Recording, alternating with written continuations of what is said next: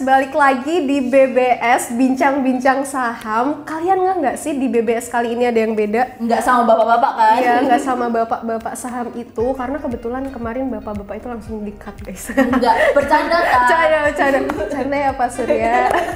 Oke, Robert. kali ini kita bakal ngobrolin berita yang lagi hot banget bareng Rani sama Merlin, Jadi kemarin itu Bapak Presiden Jokowi optimis banget menjadi ekonomi digital pada tahun 2030 nanti yang akan menjadi ekonomi digital terbesar se-ASEAN.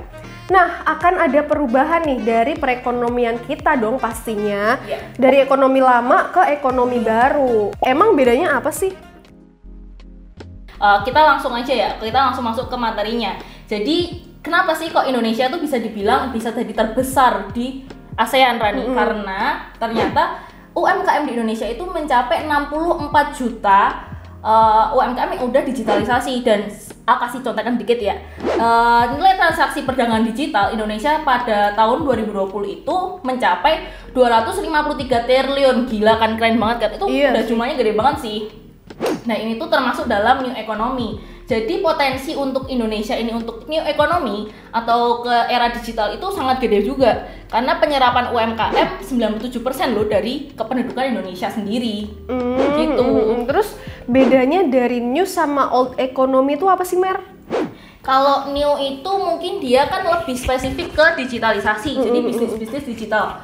Kayak sekarang kan sekolah online, Iya. terus kita Belanja. oh, belanja online, kita sekolah, kita kerja juga online, WFH itu juga menjadikan salah satu new economy. New economy bagi apa? Bagi pendapatan sekolah, bagi pendapatan eh, orang kerja juga karyawan dan lainnya lainnya dan juga eh, pemerintah juga akan mendapatkan pendapatan yang berbeda dari pajak digitalisasi itu sendiri gitu. Iya sih, mungkin karena eh, pandemi gini ya, jadi semua juga serba online kan. Apalagi kalau aku sih lebih ke belanja ya, belanja belanja online gitu, itu juga ngaruh banget kan pastinya. Iya bener banget. Bener. Tadi yang udah aku jelasin juga nggak cuman belanja aja tapi UMKM kita tuh menyedot digitalisasinya ini tuh hampir 97% tenaga kerjanya. Keren kan?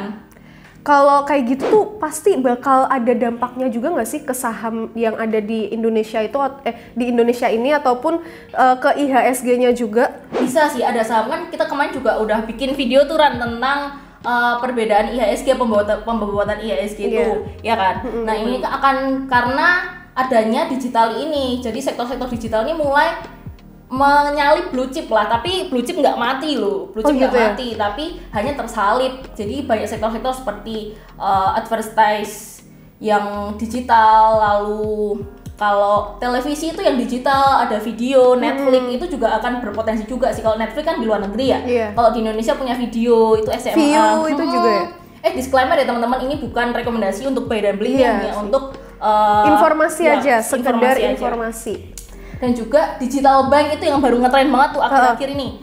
Kayak BBYB, BANK katanya mau kerjasama dengan Shopee dan lain-lain. Itu banyak juga uh, kabar-kabarnya. Terus habis itu juga ada logistik teks eh logistik digital juga. Logistik digital kayak gimana sih? Kayak Asa Asa yang bekerja sama dengan Antar Aja. Itu dia juga uh, salah satu logistik digital juga sih menurut menurut saya sendiri ya.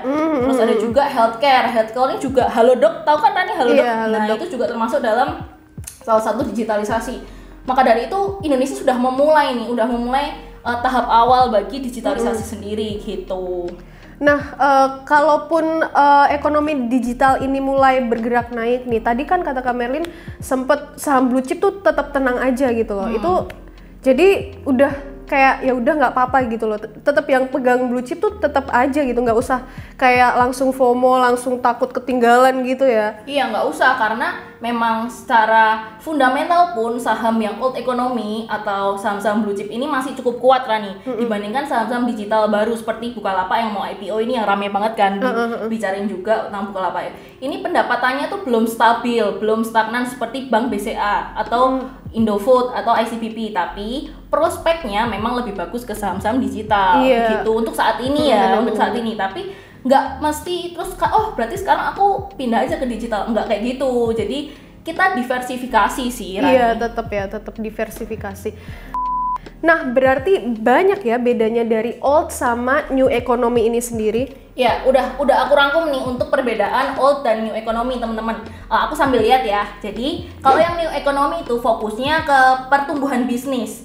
Terus indikator pertumbuhan bisnis adalah pengus pengusahaan pasar, terus matriks pertumbuhannya sesuai dengan jenis usaha, e-commerce, GMV, jasa, GTF, gross transaction value dan lain-lain. Nanti teman-teman bisa lihat cek di aplikasi Mtrade kita udah kasih perbedaan new dan old economy lebih jelas ya. Lalu setelah, selanjutnya model bisnis sangat dinamis dan fleksibel. Jadinya uh, apalagi orang-orang di uh, new economy itu lebih kalau orang-orang di startup lebih kayak fresh fresh iya lebih sih. kayak lebih ke generasi muda Iya, ya millennials ha, benar, kayak gitu. millennials lalu terbuka kolaborasi dengan investor atau siapa pun yang bisa membuka ruang ekosistem yang lebih luas itu new economy ya teman-teman kalau yang old economy nih kalau yang old- economy itu fokus mengejar profitabilitas jadi dia hanya mengejar profitabilitas.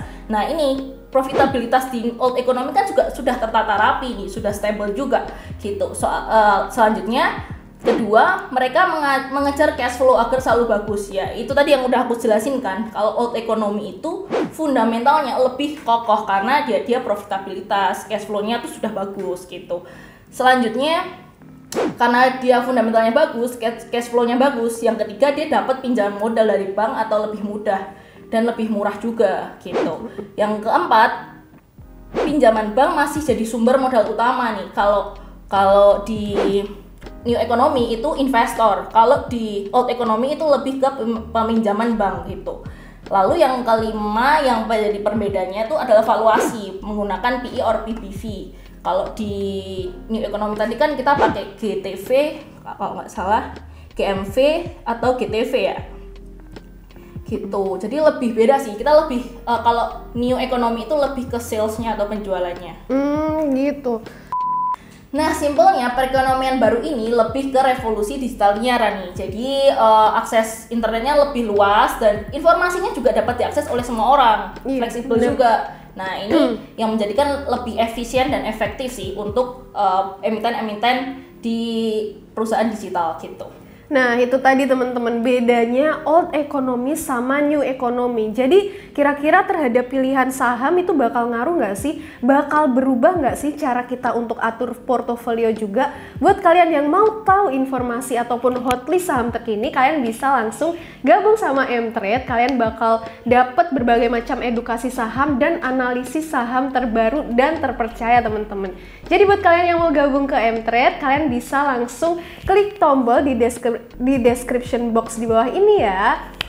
Ya, dan juga kalau di Mtrade kalian bisa ikutin seminar pagi, siang, dan seminar setiap Sabtu eh, gratis, udah free di dalam Mtrade gitu. Iya. Buruan gabung teman-teman, kita belajar bersama-sama sama Mtrade biar nggak ketinggalan tuh saham-saham tren-tren teknologi apa nih yang baru diincar oleh investor-investor besar. Betul sekali. Jadi banyak banget keuntungan kalian ketika kalian menjadi user VIP Mtrade.